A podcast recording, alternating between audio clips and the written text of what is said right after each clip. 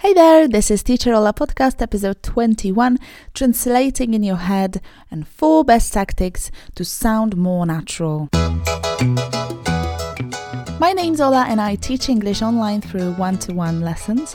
And this podcast is for you if you're an English learner who wants to speak English with more confidence and get rid of speaking barriers. You'll boost your vocabulary, brush up your grammar, improve your pronunciation.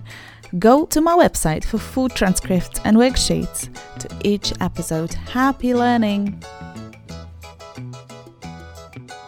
Hello and welcome! I'm so glad you could make it. Today I'm going to look at some techniques that will help you sound more natural. In episode 13, I spoke about filler words, which make you sound like a native. You can find that episode at teacherola.com forward slash 13. Today I have a bunch of tips on how to limit or even stop, to some extent, translating in your head.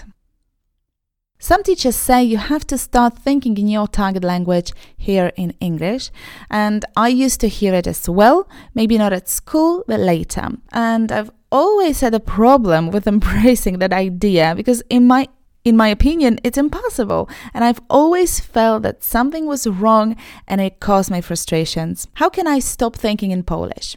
I'm Polish. I'm born and raised in a Polish speaking family, a Polish speaking country. It's my mother tongue. My brain has grown and developed in the Polish environment. Again, I thought something was wrong with me, but really, I've always had a hunch that it's not that simple. Eventually, I've come across a study done by the Bangor University in Wales, which suggests that even bilingual adults can't stop thinking in their mother tongue.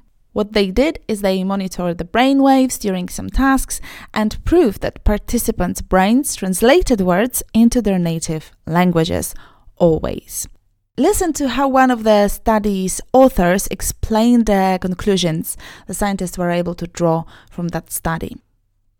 Bilingual individuals retrieve information from their native language even when it's not necessary, or even more surprising, when it is counterproductive, since native language information does not help when reading or listening to second language words.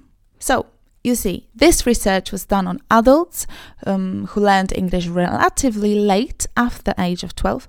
We don't know whether or not the same results would be obtained with children who learned English at an early stage. Nevertheless, it gives us some explanation.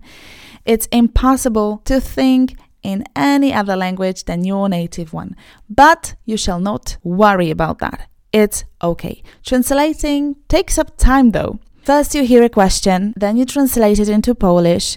Next, you think about your answer, then translate it into English, and it's time consuming. What you can do is you can pick up the pace, accelerate the whole process. You can achieve that by creating shortcuts in your brain. Now I'll share with you four best tactics when it comes to translating in your head, how to make it faster, how to make it more efficient, and how to sound more natural. Number one, speak to yourself. I have a whole episode just about talking to yourself in English. I explain there why, how, and when you should do it. You can tune in to that episode at teacherola.com forward slash nine. It's episode nine. Speaking to yourself out loud is a key factor. Your fluency will skyrocket when you start self talk on a daily basis. Train responses to common questions. Prepare yourself, make your brain prepared for answering that question. Thanks to that, you won't freeze up, but you'll just give your best answer, something like your default answer. Also, sing out loud in English. Name objects that surround you. Name events surrounding you. Copy native speakers. Note how they respond to common questions, what phrases they use, and incorporate them into your self talk. Hone on the art of speaking out loud. fast and without wasting time for translations. When you're not alone in public places, speak to yourself in English in your thoughts. I spoke about it in more detail in episode 9, so I do really recommend checking that one out because I don't want to repeat myself here. Number 2, immersion. The best would be to travel to an English speaking country or even move there for some time. I know it's probably impossible for you, but in this day and age, it's not necessary. What you can do is surround yourself with the English language. Change the language on your phone, on your Facebook, on all social media channels, on your apps. Train yourself to use English without too much thinking. It has to become your habit, something you do automatically. Another element of immersion is listening. Listen when you do something that doesn't require full focus. While cooking, cleaning, painting your nails, tidying up your books, brushing your teeth, listen to the radio or a podcast, anything. You don't need to pay attention to the content. It can be just a background noise. It gives you lots. It helps you to familiarize yourself with pronunciation, with accent. Another thing is using the language speaking to other people. A good idea is making friends who don't speak Polish. You can find them in Facebook groups, for example. Connect it with your hobby. The point is, you put yourself in a place where you can't escape. Force yourself to use the target language. Tactic number three use monolingual dictionaries. First of all, don't look up words during a conversation. Some of you take out your phones in the middle of a sentence and try to find the word you need in an online dictionary or in an app. Not good.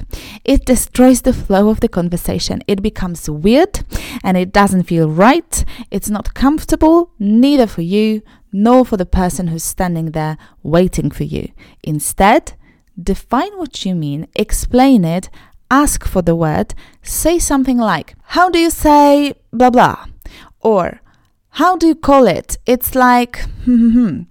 Or, It's similar to, hmm. Or, It's when you, hmm. Dictionaries. Don't use English, Polish, bilingual dictionaries. Use monolingual ones. No excuses here. In such dictionaries, you have a definition, or usually more than one definition of the word you don't know, given in simple words, simple English. For example, you want to check the word bicycle, and the definition you'll get is a road vehicle with two wheels that you ride by pushing the pedals with your feet. And this particular example comes from my favorite online dictionary, Oxford Learner's Dictionary. I also recommend Cambridge Dictionary, Merriam Webster, the free dictionary by Farlex, Longman Dictionary. You'll find all the links in the show notes at teacherola.com forward slash 21. Each dictionary is a bit different. One gives you a word of the day, another one gives you more collocations, yet another gives you more example sentences. What's important is that they give you the language. Besides the meaning, you see how the words um, behave in a phrase, how to glue it, so to speak, into the phrase. What prepositions, what tense, what verb form, basically grammar, but not but not only, also vocabulary, what common phrases, collocations, the word you look up, forms. It all comes down to finding and learning a natural way of speaking, making your learning as effective as possible. Don't waste time looking up a word in Polish. Waste of time. You learn a meaning, but you still won't be able to use it effectively to communicate. Moreover, reading definitions in English creates those shortcuts I told you before. Number four, learn every day. Consistency. You have to show up on a daily basis. It doesn't have to be long, like, I don't know, one, two hours a day. Anything will suffice, even 5, 10, 15, 20 minutes a day. Set a goal like I'll talk to myself for 10 minutes a day for the next week, or I'll be listening to BBC Radio 4 every day while cooking. This is how you train your brain. Create shortcuts. Start thinking faster in English instead of translating every sentence word to word. It's a trap. Be careful. If you were to remember only one thing after this episode, I want it to be this be consistent. Have some kind of contact with English every single day, be it listening, reading, or talking. Now, tell me what do you think? Can you think in English?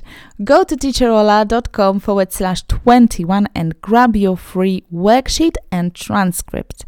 If you think someone needs this episode, make sure they get it. Share a link with them. I hope you'll be here next Wednesday. Next time, you'll learn practical things, in particular, how to say thank you in English. Till then, have a great week. Take care, stay warm and happy learning. Bye bye.